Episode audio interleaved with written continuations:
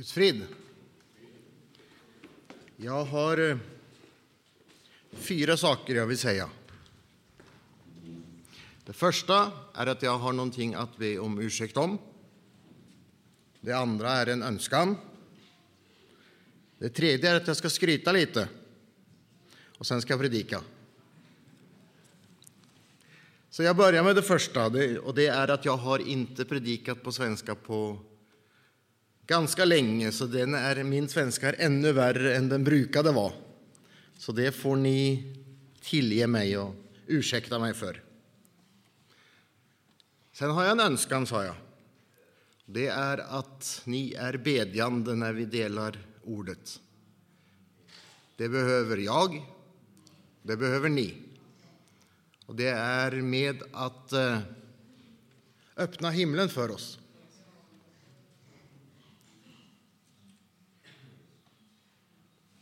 Det är något vi behöver. Det är något vi önskar oss mer än någonting annat. För det tredje ska jag skryta lite. Och nu är det många som tänker att du har inte mycket att skryta av. Inte, det, alltså din bil den är gammal, och det är sant. Och inte äger du någon stor villa, och det är sant. Och inte har du någon bra utbildning, och det är också sant. Och inte har du någon båt, och inte har du någon stuga någonstans. Och inte är du utbildad teolog, och inte kan du sjunga. Och, ja, och allt det här är sant. Men jag har ändå någonting att skryta av. Det är att jag har korset. Och det är värt mer än allt det jag nämnde. Jag har korset.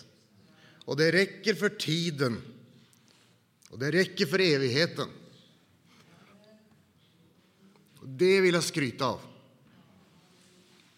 Det vore långt ifrån mig att berömma mig av någonting annat än av Kristi kors. Prise Gud. Ja. Och sen var den fjärde saken. Det är att jag ska dela Guds ord. Och vi ska gå till Första Mosebokens 26 kapitel. Första Mosebok 26. Och så ska vi läsa där den 17 och den 18 versen. Första Mosebokens 26 kapitel och 17 och 18 vers. Där heter det i Jesu namn. Då flyttade Isak därifrån och slog sig ner i Gerars dalgång och bodde där. Isak grävde på nytt upp de vattenbrunnar som hade grävt på hans fader Abrahams tid, men som filisterna hade fyllt igen efter Abrahams död. Amen. Jag så lovar jag dig, kära Herre Jesus, och tackar dig för förmånen att vi får samlas i ditt namn, kära Herre, och för att du är här mitt ibland oss, kära Herre. Herre, vi ber om att du vill tala till oss den här eftermiddagen, Herre att du vill uppenbara för oss någonting av din härlighet, kära Herre. Herre, låt oss få se din härlighet, Herre. Herre, kom till oss, Herre, med liv och liv i övernog, kära Herre, jag prisar dig. Herre, måste vi få se dig, Herre, i din makt och härlighet, kära Herre. Och måste du göra oss Herre, skickliga att predika evangelium, Herre, för en värld i nöd, jag ber dig om. I Jesu underbara namn. Amen.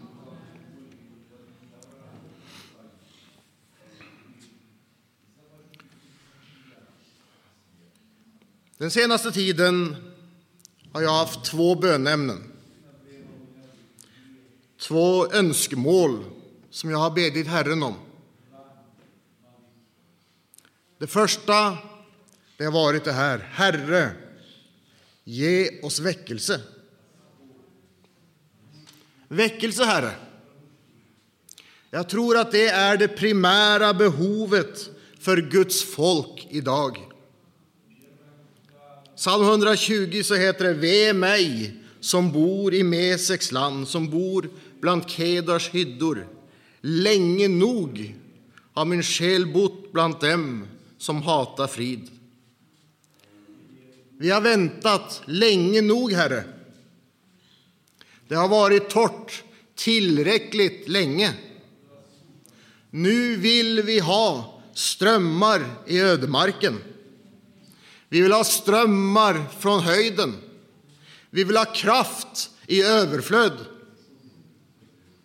Och jag har haft den här brinnande längtan. Väckelse, Herre. Ännu en gång, Herre. O, att du rev isär himlen och kom till oss, Herre. Och samtidigt så vet jag inte om det finns någon mer nådatid kvar. Kanske är vi så långt in i natten att det snart är dags för en sista soluppgång. Kanske har tiden så långt passerat att det inte längre är dags för väckelse, men dags för uppryckelse. Och det har ledit mig fram till mitt andra bönämne. Herre, om det inte är tid för väckelse, så kom och hämta din brud. Låt oss höra befallningen ljuda. Låt oss höra rösten av en ärkeängel och en Guds basun. Låt oss se de döda i Kristus uppstå och låt oss som lever och som är kvar tillsammans med dem ryckas bland skyar upp i luften i detta sista underbara Exodus ut ur världen, ut ur tiden och in i evigheten för att möta vår Herre och Mästare och låt oss sedan för alltid få vara med honom. Jag vet inte tiden timmen och ögonblicket. Det vet bara vår himmelske far. Men jag kan se tidens tecken. Jag kan förstå att dagen är nära. Och jag förstår att bruden måste vara redo. Att vi måste ha brinnande lampor, för mitt i natten kommer ropet att höras. Se, brudgummen kommer, gå ut och möt honom så vet jag att när anden säger kom och bruden säger kom och de två komropen synkroniseras här i tiden så kommer evigheten att ta över. Det är vårt eviga hopp. Det är vår framtid. Pris Gud. Så jag har haft två viktiga bönämnen. Herre, länge nog har vi levt som främlingar. Vi har levt tillräckligt länge i en värld som hatar frid. Herre, låt oss få vårt rättmätiga arv. Låt oss få hedningarna, hedningafolken till arvedel. Låt oss få uppleva kraften i Golgataverket, i försoningen, så genomgripande och så förvandlande i sin kraft ännu en gång eller ta oss hem. Är du med? Är det en riktig bön? Tror du att det är en längtan och en bön som ligger efter Guds hjärta?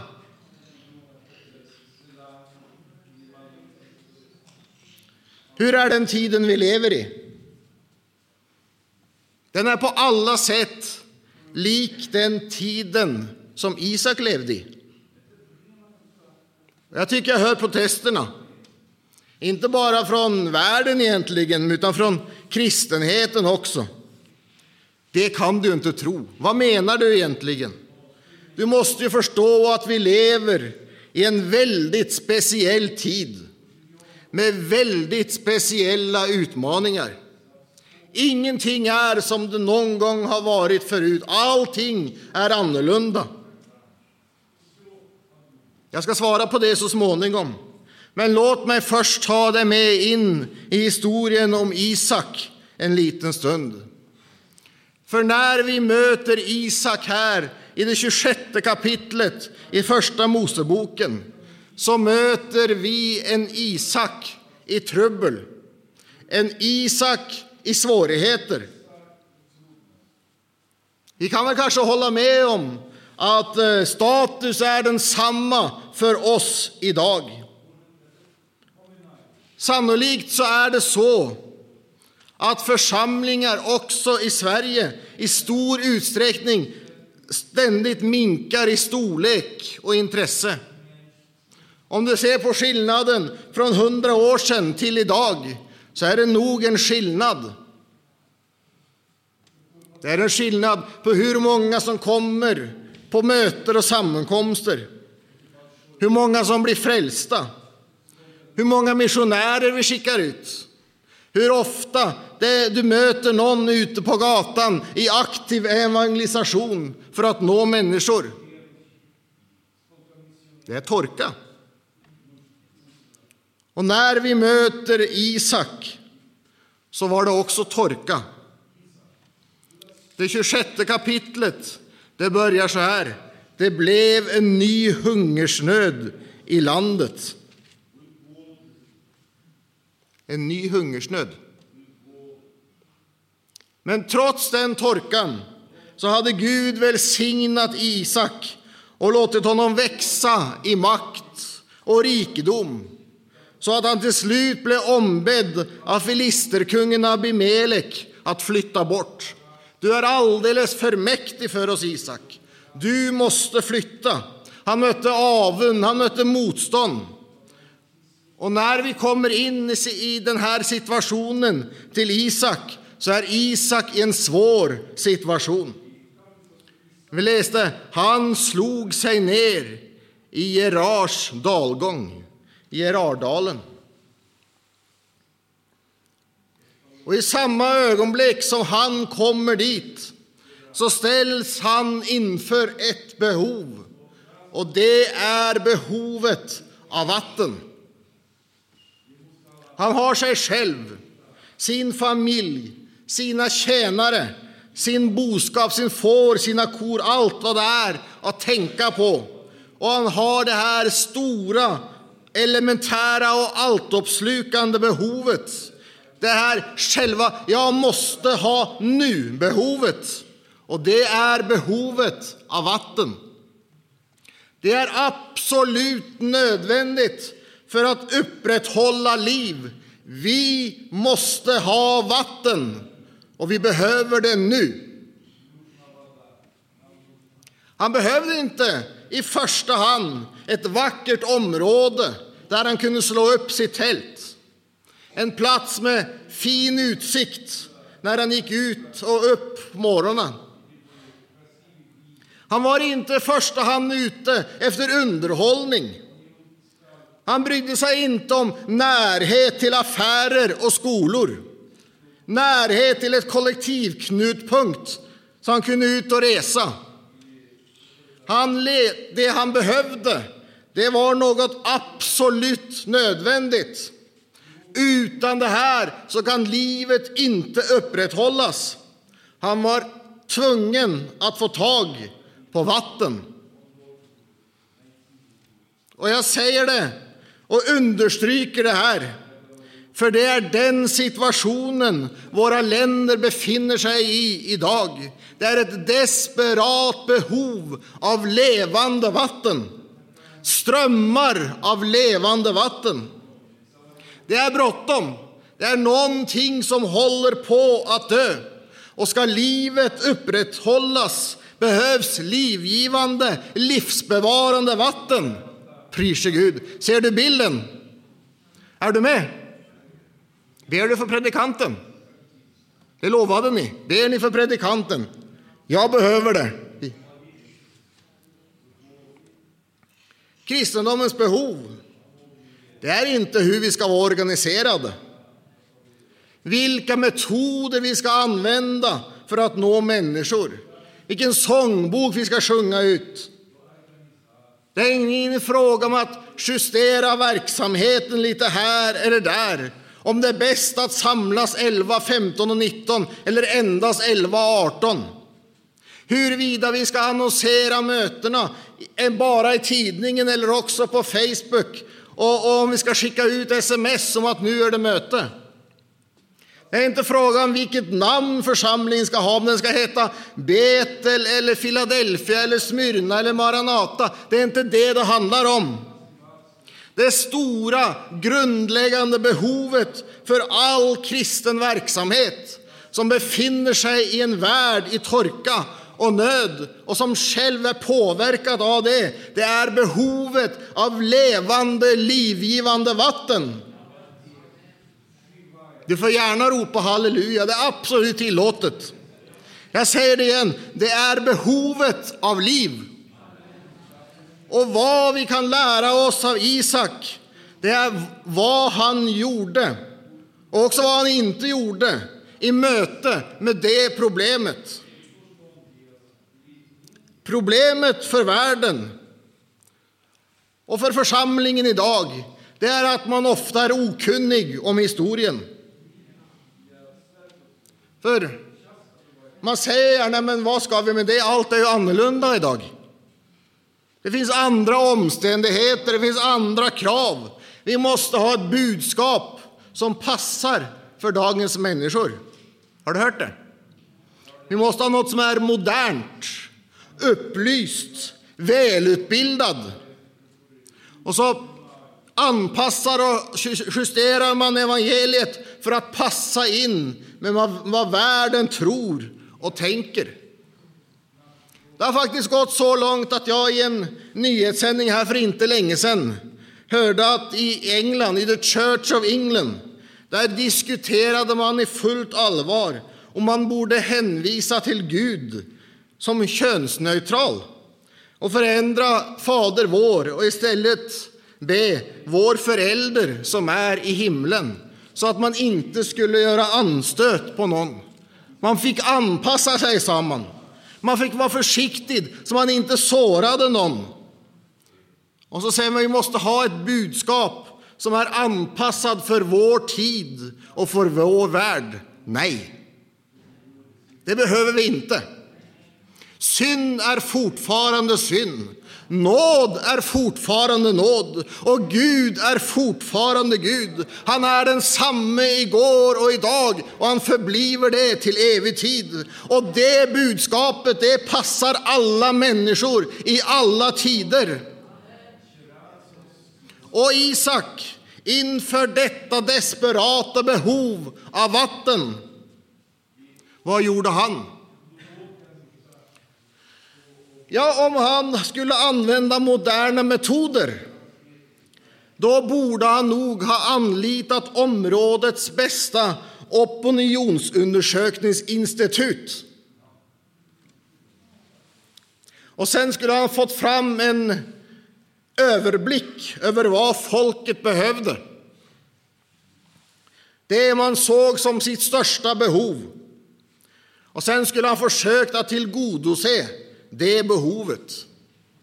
Och om man mot förmodan skulle komma fram till att det man behövde var vatten, då skulle det helt säkert finnas andra och bättre lösningar att komma med som bättre tillgodoser folkets behov. Och det här har jag tänkt på. Vad sägs om Gerarläsk? Han var ju i Gerardalen. Du, vi kör en enorm kampanj för Gerarläsk. Den är smaksatt, den är anpassad, den är kolsyrad. Vi kan till och med erbjuda en sockerfri variant om det är det du gillar bäst. Håll dig bara borta från detta vatten. Det är så gårdagens nyheter. Nu är det Gerarläsk som gäller. Drick Gerarläsk och var glad. Du kan få den med smak av hallon, ananas, apelsin, päron, lime och äpple. Du kan få den med och utan koffein. Och sen så inkallar vi till seminar och konferenser där vi talar om Gerardläsks förträfflighet. Vi betalar forskare som tillverkar rapporter som visar att Gerardläsk är bättre än vatten. Och så hyr vi in influenser och filmstjärnor som vi kan betala för att visa upp ett perfekt liv i sociala medier medan de dricker Gerardläsk, så att alla unga också fastnar i det här. Och sen får vi de hetaste artisterna till att skriva harpsonater om Gerardläsk och så spelar vi det på radio och tv 24 timmar i dygnet. Och så får vi folk att glömma att det finns något som heter synd. Och så får vi istället människor att njuta av denna sötsoppa av en religion som Geralesk representerar. Ett smaksatt, sötat budskap, så utan näring och så utan substans och utan någon som helst möjlighet att väcka anstöt och som passar absolut alla. Drick gerardläsk och bli glad. Det är vad du behöver att presentera, Isak. Då blir du framgångsrik. Då blir du upphöjd, uppskattad och respekterad. Det är gerardläskets religion. Det är det du behöver för att få en position i samhället. Och sen kan du leva lycklig alla dina dagar medan du dricker gerlarläsk tills det står upp i halsen på dig. Det är så väldigt ofta kristendomen agerar idag. För att man har glömt historien.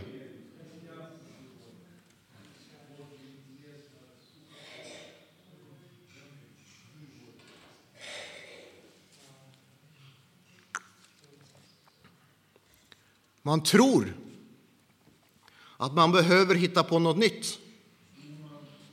Någonting som attraherar och tilltalar världen. Därför att allt är annorlunda nu. Det är det inte.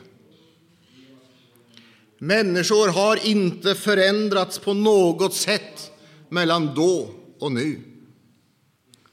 Du kan läsa dagens tidningar om människans problem idag. Och så kan du jämföra den med Bibelns beskrivning av människor på Isaks tid. Och det är precis samma problem. Det är precis samma drifter, det är precis samma synd. Och Gud har heller inte förändrats. Han är densamme. Och lösningen på människans problem är fortfarande en, och det är evangelium. Det är den enda lösningen. Lösningen är att komma tillbaka till källan. Lösningen är att gräva upp de gamla brunnarna. Och det var det Isak gjorde. Ansikte till ansikte med dessa enorma utmaningar som han stod inför behovet av livgivande vatten. Vad gjorde Isak? Han tänkte på historien. Problemet för Abraham, den föregående generationen, det var samma problem som Isak stod inför i hans generation. Det är sanningen. Min far Abraham, han har varit precis här före mig. Och om det är en sak min far var expert på, det tänkte Isak, så var det att gräva brunnar. Att ta fram rent, klart, friskt, livgivande vatten. Och Isak han insåg att situationen den är så desperat att här finns det ingen tid för att experimentera. Jag måste lösa det här och nu och direkt så kan jag heller söka, utöka sökande efter mer av detta livgivande vatten så småningom. Men jag behöver vatten nu. Det här är inte tiden för några experiment, för några nya metoder. Tiden den är så desperat att vi behöver livgivande, levande, pålande, läskande vatten här och nu. Församlingen behöver det. Världen är i desperat behov av att församlingen kan erbjuda det. Läget är kritiskt och desperat. Jag säger det igen, vi måste ha vatten nu. Vad hittar han? Filisterna, fienden. Man hade täppt till de här brunnarna, fyllt igen dem. Med andra ord så fanns vattnet kvar. Kraften var fortfarande där. Livets grund var fortfarande kvar. Men fienden hade gjort sitt försök att förstöra, att dölja och att skymma det. Men där på djupet, där fanns fortfarande denna kraftfulla, livgivande källa. Och här fanns det människor i desperat behov av vad den källan hade att ge. Men fienden hade varit där. Fienden hade förstört. Hur ska vi få tag på detta? Vi vet ju att det finns där. Varför ser vi det inte? Varför kan vi inte kasta i våra kärl och ösa upp med fröjd? Fienden har varit där. Man har förorenat. Man har fyllt med så mycket annat. Det är jord, det är pinnar, det är stenar, det är skräp, det är bråte. Vattnet är inte längre tillgängligt. Det syns inte. Det finns en fiende som är ivrig att förstöra. Er fiende djävulen går omkring som ett rytande lejon och söker efter någon att sluka. Han kan inte förhindra vattnet från att flöda. Det är alldeles för kraftfullt för det. Men han kan försöka gömma det. Han försöker gömma undan flödet genom att dölja det i ett enormt utbud av gerarläsk. Han stoppar till källan så väl han förmår med andra religioner, med ett förvrängt evangelium. Allt vad världen har av nöjesliv och kulturell okultur, allt har han stoppat i men prise Gud, i den artonde versen som vi läste med varandra inledningsvis så heter det så här. Isak grävde på nytt upp de vattenbrunnar som hade grävts på hans fader Abrahams tid. Prise Gud. Jag läser en gång till och så får du gärna stämma i med ett amen. Isak grävde på nytt upp de vattenbrunnar som hade grävts på hans fader Abrahams tid. Amen. Prise Gud. Vad vi behöver, det är att komma åter till de gamla källorna. Det kan vara ett hårt arbete att gräva upp igen det som har trampats ner. Tungt och krävande. Precis innan sin himmelsfärd så säger Jesus till apostlarna, men när den heliga ande kommer över er ska ni få kraft att bliva mina vittnen i Jerusalem, i hela Judeen och Samarien och ända till jordens yttersta gräns. Ni skall få kraft. I grundtexten heter det dynamin. Du hittar det igen i vårt ord dynamit. Något som omvältrar, något som förändrar och förvandlar. Och är det något som kan öppna de brunnarna, då är det dynamit. Då tar det sekunder och så är brunnen fri. När det får komma till, då spränger det gränser och då kastas filisternas stenar, jord, pinnar, skräp och bråte ut på sekunder så att källan, den får rinna med klart, pålande, friskt, livgivande vatten. pryser Gud. Inte denna världens gerarläsk. Inte den här kvävningsframkallande sötsoppa som Satans religion presenterar. Du har hört det, ja men du är bra som du är. Du måste tro på det goda i människan. Gör man sitt bästa så går det ändå bra till slut. Det gör det inte. Det världen behöver, det är det rena, oförfalskade evangelium som presenteras i den här boken. Och om världen ska få det, då måste Guds församling spränga bort all världens försök på att täppa igen källan och djärvt proklamera evangelium. Prise Gud, därför att Gud han vill ge. Gud han vill fylla oss. Prise Gud. Om vi håller fram vår kopp och ber Herren att han ska fylla den, så fyller inte han bara lite grann i botten av den koppen. Han fyller så det flödar över och strömmar ut, prise Gud. Herre, ge mig detta levande vatten. Om det är vår bön, då kommer Herren att ge. Tror du det? Prise Gud.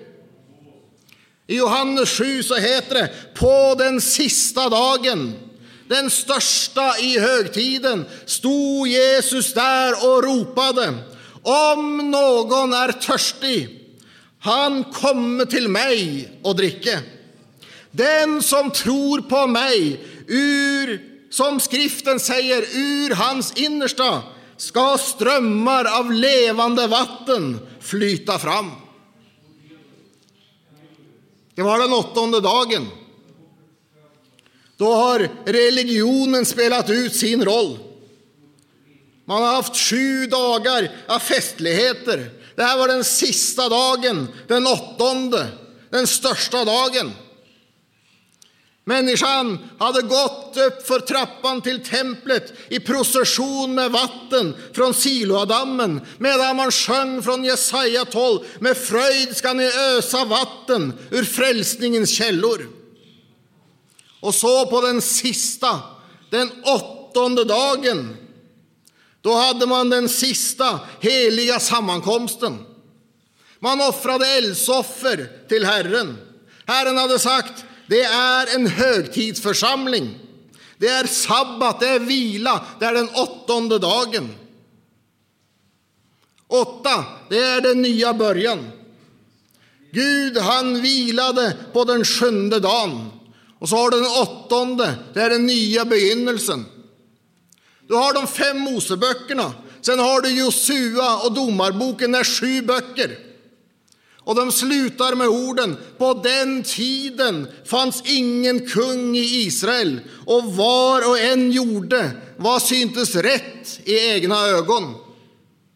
Sen kommer den åttonde boken. Det är den nya begynnelsen. Det är Ruts bok. Det är berättelsen om Boas, återlösaren. Och du är inne i Davidsätten, den stora förebilden på Kristus, den nya begynnelsen. Och på den åttonde dagen så står Jesus där. Om någon är törstig, ut av hans innersta ska det flyta strömmar av levande vatten. Och Herre, det är det vi längtar efter. Herre, det är det vi behöver. Herre, det är det världen behöver idag. Den som dricker av det här vattnet blir törstig igen. Det är Jesus som svarar den samaritiska kvinnan på hennes fråga. Där hon säger, Herre, du har ingen kruka och brunnen är djup. Så varifrån får du det levande vatten? Den som dricker ger, ger arläsk. Den som dricker av världens brunnar. Den som tar emot av det substitut som världen har att ge man kommer alltid att bli törstig igen. Så är det. Så har det alltid varit. Så kommer det alltid att förbli. Den som dricker av det vattnet blir törstig igen. Men så kommer svaret till den törstande världen. Och det svaret, det är detsamma fortfarande idag. Men den som dricker av det vatten jag ger honom skall aldrig någonsin törsta. Ty det vatten jag giver, det blir i honom en källa med vatten som flödar fram till evigt liv. Prise Gud. Den som tror på mig, som skriften säger, ur hans innersta ska det strömmar av levande vatten flyta fram. Vilket erbjudande! Inte bara tillräckligt för individen, men ett sånt överflödsliv att det flyter fram strömmar av levande vatten. Med andra ord, en möjlighet för att bli ett redskap som Gud kan använda till att andra ska få nås med det här livet. Då blir det väckelse. Herre, ge oss detta levande, livgivande vatten i överflöd. Ge oss, Herre, väckelse eller hämta hem din brudeskara. Det ber vi om i Jesu namn. Amen. Herre, så lovar jag dig, kära Herre Jesus. Åh, du är underbar, kära Herre, jag prisar dig. Herre, tack för ditt ord, Herre, som är levande och kraftfullt, kära Herre. Herre, hjälp oss att predika det, Herre Jesus, utan blygsel eller rädsla, Herre. Men proklamera evangelium, kära Herre, för en värld i desperat behov, Herre, av levande, livgivande, friskt pålande vatten, kära Herre. Herre, låt oss bli här i tiden, Herre, ett redskap som kan nå ut, Herre, till andra människor, Herre, med evangeliums livsförvandlande kraft, kära Herre. Det ber vi om. Herre, kom till oss. Fyll oss med din Ande, kära Herre, och gör oss i ordning, Herre, till tjänst för dig, kära Herre. Det ber vi om i Jesu underbara namn. Amen. Amen.